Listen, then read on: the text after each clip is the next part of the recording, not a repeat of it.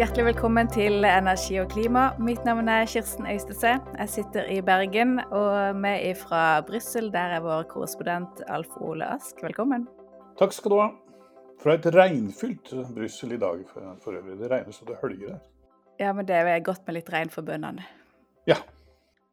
Du, Denne uka så har EU-kommisjonen presentert en ny politikkpakke kalt Repower EU. Og denne pakka skal eh, gjøre unionen uavhengig av eh, russisk fossil energi, og samtidig øke farten i den grønne energiomstillinga. Eh, og vi skal komme inn på hva den inneholder, men bare først. Hvordan har denne pakka kommet til? Den er på en måte et produkt av, av krigen i Ukraina, kan du si. Fordi at da det skjedde, så, så, hadde jo kommisjonen allerede lagt fram dette omfattende Fit for 55-forslagene eh, sine. Men de så jo at for å kunne fase ut russisk gass raskere, så måtte de liksom sette i gang med, med en del ekstra tiltak. Sånn at når eh, Frans Timmans, denne visepresidenten i Kommisjonen for det grønne skiftet, presenterte dette i går, så sa han at hvis man ser for seg Fit for 55 som en tietasjes bygning, så er dette den ellevte etasjen som de nå legger på toppen. Uh, for, for, for, å kunne gjøre det grønne skiftet raskere, og for å fase ut uh, russisk gass da, innen 2027. Mm. Så hele EUs Green Deal og Fit for 55 det, det, er ikke i strid med dette her på noe vis. Dette er bare en, et ekstra lag som legges til eh, politikk som allerede det jobbes med i, i EU. Ja, det, det, kan du si. Det er egentlig en akselerering av deler av Fit for 55. Eh, og det er en veldig understreking av at eh, hele denne lovpakken er helt avgjørende for at EU skal nå de målene de har. Uh, og så vil det være litt sånn skrubbing på veien, uh, som vi kan komme tilbake til. Okay. Det var jo, som du sa, EUs eh, klimakommissær Frans Timmermans sammen med energikommissær Kadri Simson som presenterte denne pakka uh, onsdag 18. mai. Og grovt så kan vi vel dele innholdet i, i, denne pakka i tre kategorier, er ikke det riktig? Jo, det er helt riktig. Du kan si, hvis vi tar det sånn i uprioritert rekkefølge, da så er eh, en bit av det handler om å skaffe eh, gass som eh, kan erstatte den russiske gassen. Altså Det betyr eh, hvordan man skal importere LNG, samarbeid om innkjøp av gass, eh, hvordan man skal få mer gass fra f.eks. Aserbajdsjan eh, og den type ting. Og så er det en veldig kraft, kraftig forsering av utbyggingen av fornybar energi. Eh, hvor man kommer med, med bl.a. Eh, forenklede eh, opplegg for konsesjonsbehandling for sol- og vindkraft. Eh, som i medlemslandene i noen medlemsland kan ta opptil ni år. Eh, og dette skal man da, hvis man gjør det innenfor visse områder, kunne, forhåndsdefinerte områder, kunne gjøre det i løpet av et år. Eh, og det er også da Eh, den siste uh, viktige beinet er energiøkonomiseringen. Når det gjelder fornybar energi, så øker de altså uh, sier nå at målet i 2030 er 45 andel fornybar energi. og de øker energiøkonomiseringen fra 9 til 13% Noe som kommer til å slå veldig tydelig ut på gassforbruket, siden det er mange som varmer opp husene sine med gass. Ja, og 45 det betyr jo da en økning fra 40, som er forslaget som lå på bordet fra før av. Ja, og, og Europaparlamentet f.eks. Uh, eh, har jo ønsket seg mer, og det har også enkelte medlemsland gjort. Så, så, dette er jo ikke et tall som kommisjonen har tatt ut av løse lufta. Dette vil jo koste? Ja da. Det kommer til å koste uh, masse penger. Uh, det er en beregning som viser at det fram mot 2030 vil, vil koste ca. 300 milliarder euro i investeringer, og mye av det skal da være, eh, skal gå til fornybar energi. Men det er også noen ting som skal gå for å, for å få energimarkedet til å fungere bedre. F.eks. Eh, bygging av, eh, av, overføringsnett og også noen gassrørledninger.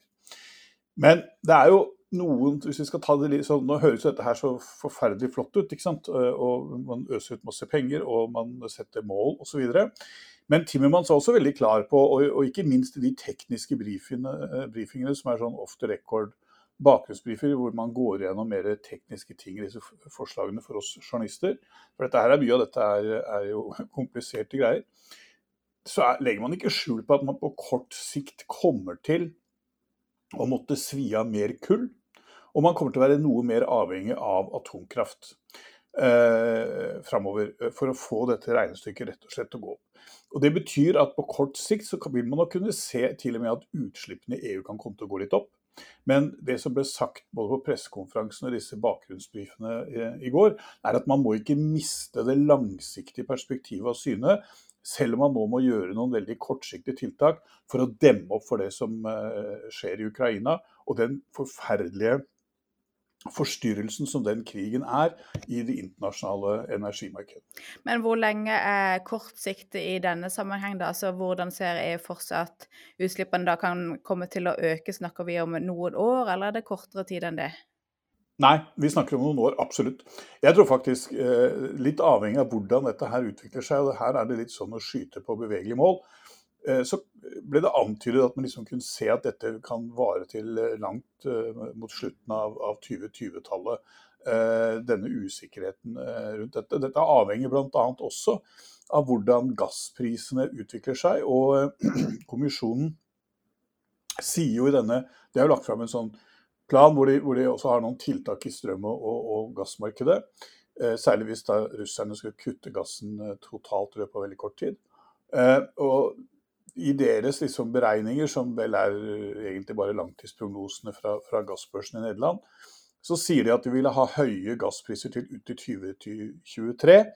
Eh, og at man, ikke vil, at man ikke vil se de veldig høye prisene, men fortsatt høye priser.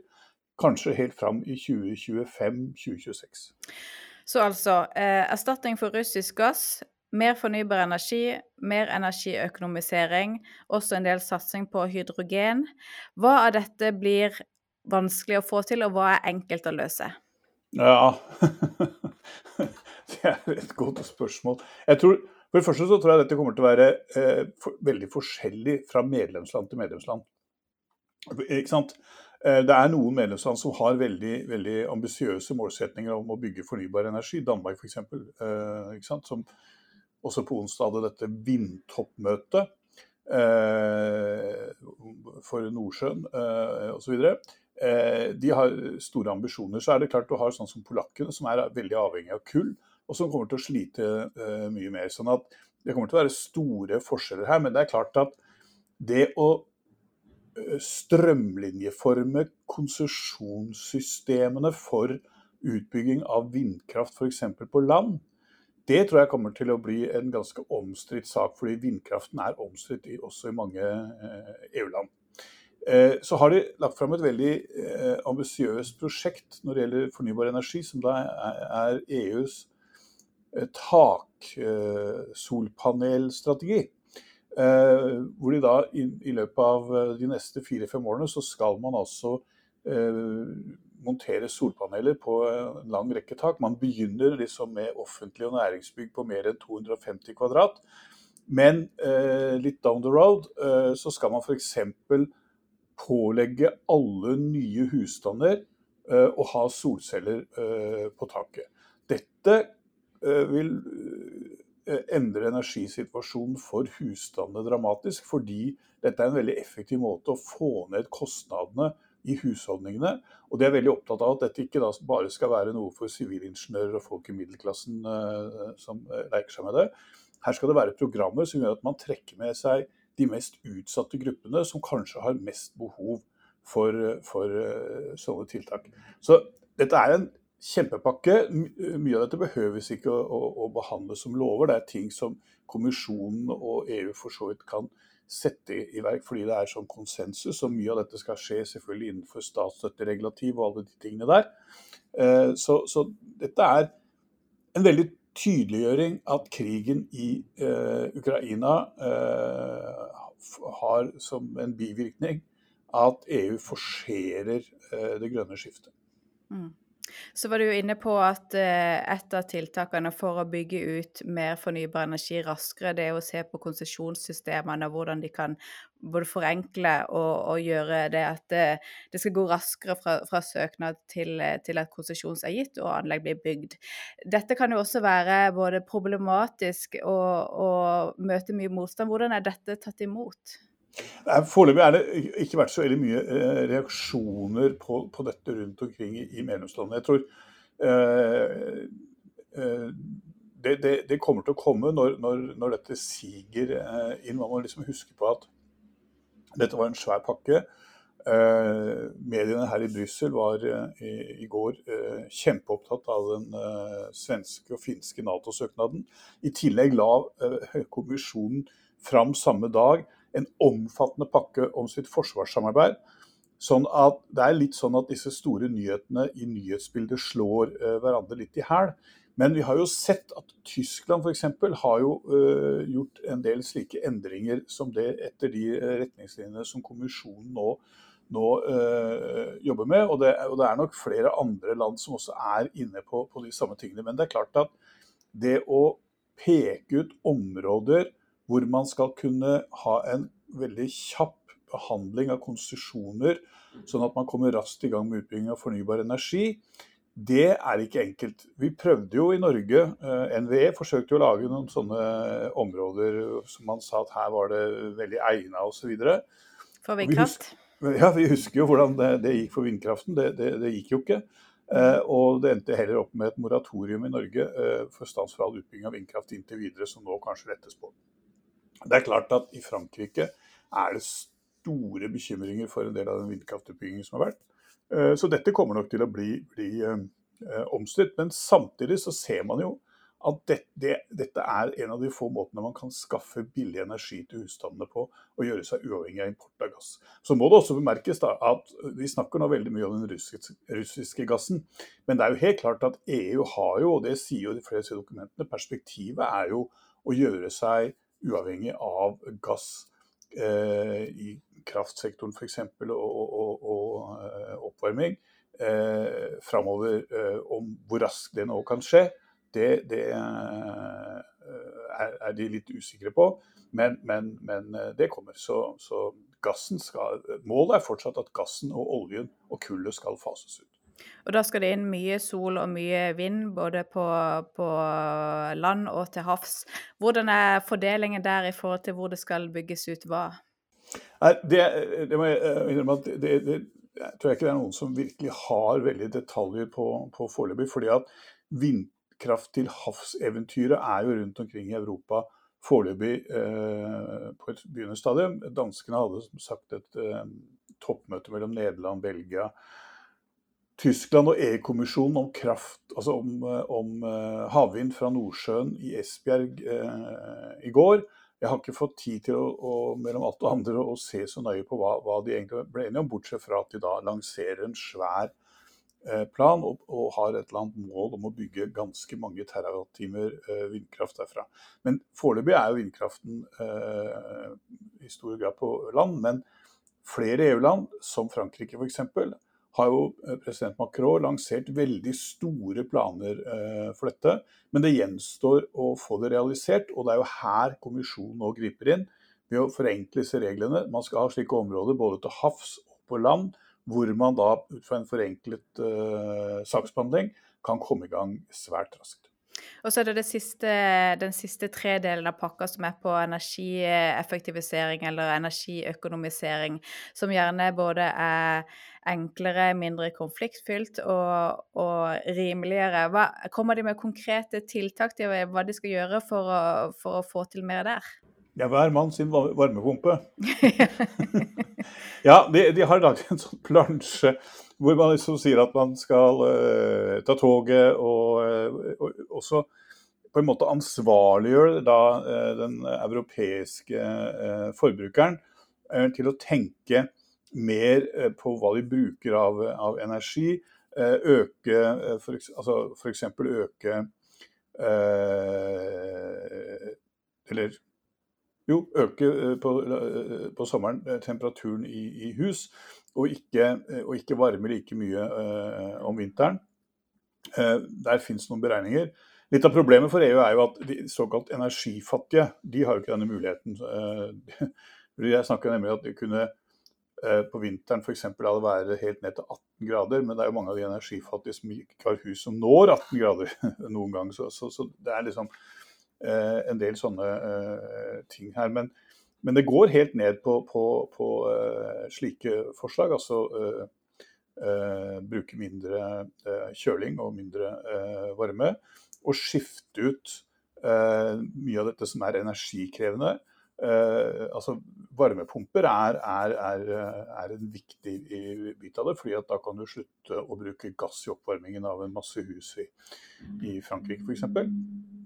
Uh, så, så, og det er det er helt ned på et sånt detaljnivå at det er, er, skal være programmer eh, for, eh, for eh, disse tingene. Og Vil det også komme påbud eller forbud? Det, det vil det uh, gjøre, men foreløpig så er på en måte uh, det man har sett uh, f.eks. i en del uh, land nå på ettervinteren og våren, var jo mer en sånn oppfordring om å spare energi i forhold til at man da altså ikke skulle ha for høye temperaturer, kanskje ikke dusje flere ganger om dagen eh, og den type ting. Eh, så, så, så, det har det vært. Men foreløpig har man ikke hatt noen sånn forbudsreguleringslinje. Man diskuterer, hvis den russiske gassen skal forsvinne, 155 milliarder kubikkmeter borte sånn. Da må man sette i gang tiltak. Da er det snakk om å sette pristak. Da kan det være snakk om å koble ut deler av industrien for å sikre gass til f.eks. husholdning, oppvarming og sånn. Eh, og denne type planer eh, ligger der, eh, men foreløpig har man ikke hatt behov for det. Og kommisjonen har jo lagt fram forslag, som vel også mer eller mindre medlemslandene har sluttet seg til, om en kraftig oppbygging av gasslagrene foran neste vinter, som dersom russerne kutter, kan bli tøff. Kommisjonen la jo fram denne pakka i går. Hva skjer med nå? De delene som på en måte er lovendringer og sånn, f.eks. mye av dette på fornybarområdet, det skal jo behandles nå parallelt med Fit for 55-pakken i, i eh, parlamentet. Og medlemslandet, altså ministerrådet. Uh, så den biten går inn der. Mye av disse eh, kommunikasjonene som kan sammenlignes med stortingsmeldinger, vil jo liksom bli gjenstand for mer generell politisk drøfting. Det er mer der er det mer ting som, som hva EU-kommisjonen osv. kan gjøre innenfor de rammene de allerede har. Eh, F.eks. vri en del av disse pengene som nå skal gå til gjenoppbygging etter covid, med enda mer over i grønn retning f.eks. Eh, og en del sånne eh, ting. Det er Noe av dette her skal finansieres med inntekter fra ETS, altså fra kvotehandelssystemet.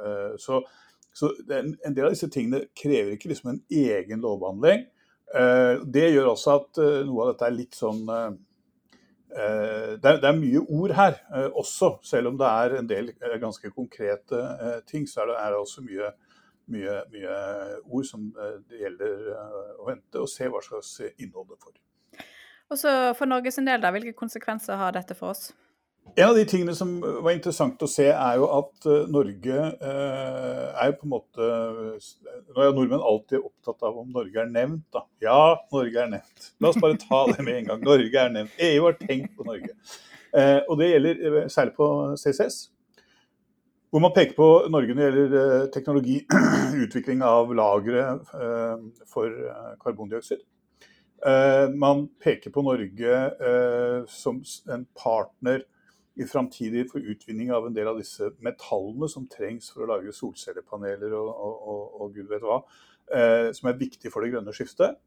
Eh, og det er klart at Norge er nevnt som en viktig partner også når det gjelder eh, selvfølgelig gass, eh, men også eh, er Norge pekt på eh, når det gjelder hydrogen. Vi snakker om noen korridorer med hydrogen inn i det europeiske markedet. og Da er liksom Nordsjøkorridoren en av dem. og Det er liksom da hydrogen som vi ser for seg som kan komme fra Norge og uh, Storbritannia bl.a. Så, så uh, her er det uh, en del muligheter for Norge. Og så er det da et spørsmål som vel ennå ikke er avklart, om disse endringene i fornybardirektivet som går på konsesjonsbehandling og sånne ting, om det også da vil bli gjort gjeldende for Norge Eh, det, og det, det er antageligvis for tidlig å si. Og kjenner jeg regjeringen rett, og det gjør jeg, så, så kommer ikke de til å liksom ville gå ut og si at dette er EØS-relevant ennå, før de liksom ser visse av behandlinga sånn. Det er jo en ledd av den norske strategien å dra beina etter seg. Så vi får vel vente litt med en, med en avklaring der. Men, men, mange av disse meldingene eller kommunikasjonene Eh, så vil det jo få eh, betydning for Norge på den måten at man vrir innsatsen nå veldig mot det grønne skiftet. Og, og uh, inviterer jo flere av ikke-EU-medlemmene i Ranson fra Balkan. Man har egen opplegg for Ukraina. Man er veldig opptatt av å dra med seg de afrikanske middelhavslandene osv. osv. Og I det avsnittet hvor, eh, hvor, både Norge og hydrogen er omtalt, eh, har vi spesifisert fargen på dette hydrogenet? Nei. Jo. Ja. ja. ja eller nei? ja og nei. Det er nok sånn at eh, det EU i stor grad snakker om, det er grønt hydrogen. Det, det, det er nok riktig. Men men, men eh, behovet deres kommer til å være såpass at hvis, eh, hvis man har eh, hydrogen fra, fra gass som, som, er konkurransedyktig, så, så, så vil det eh, sikkert bli, bli, tatt imot. Men det er ikke noe tvil om at det er jo gass, eh, nei altså hydrogen, eh, laget med fornybar energi, som, som da EU i første rekke ønsker seg. For to uker siden så la jo EU-kommisjonen også frem et forslag om eh, boikott av russisk olje. Vi snakka om det den gang i podkasten her, du sa det var et forslag som kom til å bli heftig debattert i, parlamentet og mellom EU, EUs medlemsland. Hvordan har det gått? Jo, den spådommen har slått til uh, over all forventning, for å si det sånn. Fordi uh, det som har skjedd, er jo at Viktor Urban Ehm, som, eh, fra Ungarn. Som da eh, har lagt seg på tverke eh, og driver en utpressing for å få betydelig pengebeløp eller noe sånt ut av EU for å stemme for dette. Det betyr at dette begynner å bli en, en, nærmest en verketo for, for, EU. Fordi man sitter da og ser at Putin klarer liksom å å manøvrere sånn at han splitter EU, og at Orban da på en måte løper litt eh, Putins eh, ærend opp i dette og blokkerer for denne, for denne boikotten av uh, russisk olje, som de fleste andre EU-land. Det er litt sånn skurring i noen andre land. Grekerne har hatt litt innvendinger på restriksjoner i tankfarten og sånn. Men, men, men, det er Orban som da kjører dette, dette løpet, og de har holdt på nå ganske lenge. Og eh, mye tyder på at dersom det ikke enes nå når utenriksministrene møtes om kort tid, så kan dette ende på eh, stats- og regjeringssjefenes bord den 30. og 31. mai. Men det finnes også rykter som sier at det nå er bevegelse, sånn at man håper man skal få skrudd til et eller annet eh, før helga. Men det sa man for en uke siden nå, og det sa man uka før der. Så, så, så, så men dette begynner å bli en dette begynner å bli en pinlig sak for samholdet i EU vis-à-vis eh, Russland. Mm. Og sett opp mot eh, denne pakka Repower EU, er det mer samstemthet i, i EU om, om, disse tiltakene? Ja, det, vi, det vet vi ennå eh, eh, ikke, men det vil jeg faktisk eh, tro. Fordi at det, det EU-kommisjonen har gjort med denne pakken, det er jo egentlig å lage en plan ut fra den, de eh, for så vidt litt runde formuleringene som de la fram veldig hurtig på EU-toppmøtet i Versailles like etter at krigen brøt ut. Det var jo toppmøte der eh, vel eh, bare halvannen uke eller noe sånt etter at krigen eh, starta. Og så ba da litt seinere toppmøtet eh, EU-kommisjonen om å konkretisere dette og gjøre det om til en plan som nærmest kan gjennomføres. Så dette er jo gjort på eh, oppdrag fra eh, toppmøtet. Eh, og dette kommer til å, å, være noe de rapporterer tilbake til toppmøtet på.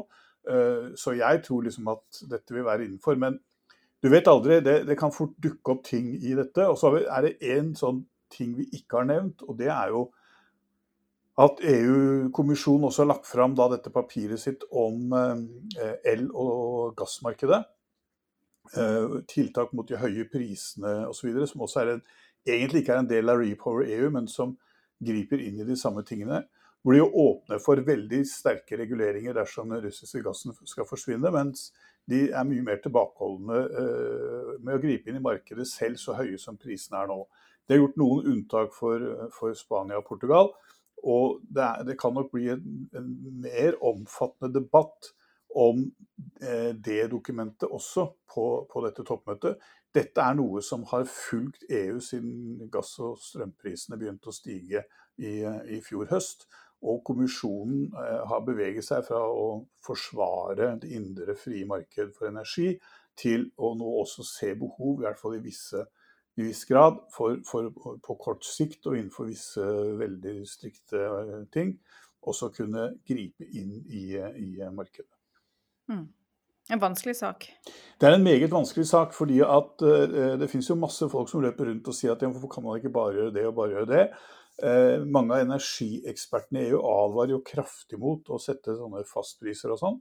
Uh, også fordi at EU er avhengig av å få gass inn, altså LNG som selges på verdensmarkedet. og man sier liksom at det hjelper ikke så mye om man får no noen kubikkmeter veldig billig gass, så lenge man det er den dyreste gassen som setter strømprisen.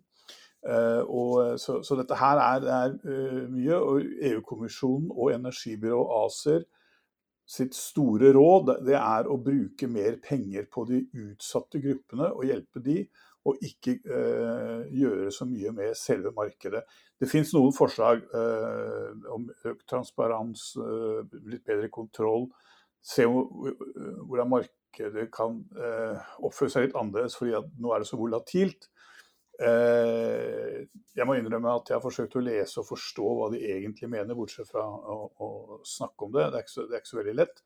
Eh, så dette tror jeg kommer til å bli et, eh, et hett tema fortsatt uh, framover. For det er EU-land som mener at man skal gripe mye mer resolutt uh, inn, og det er EU-land som er uh, veldig tilbake. Mm. Det er OK. Da sier jeg tusen takk for en eh, oppdatering fra Brussel. Takk skal du ha. Takk også til eh, du som lytter på, enten du er fast eller ny lytter. Så abonner gjerne på Energi og klima der du foretrekker å lytte til podkaster. Takk for i dag.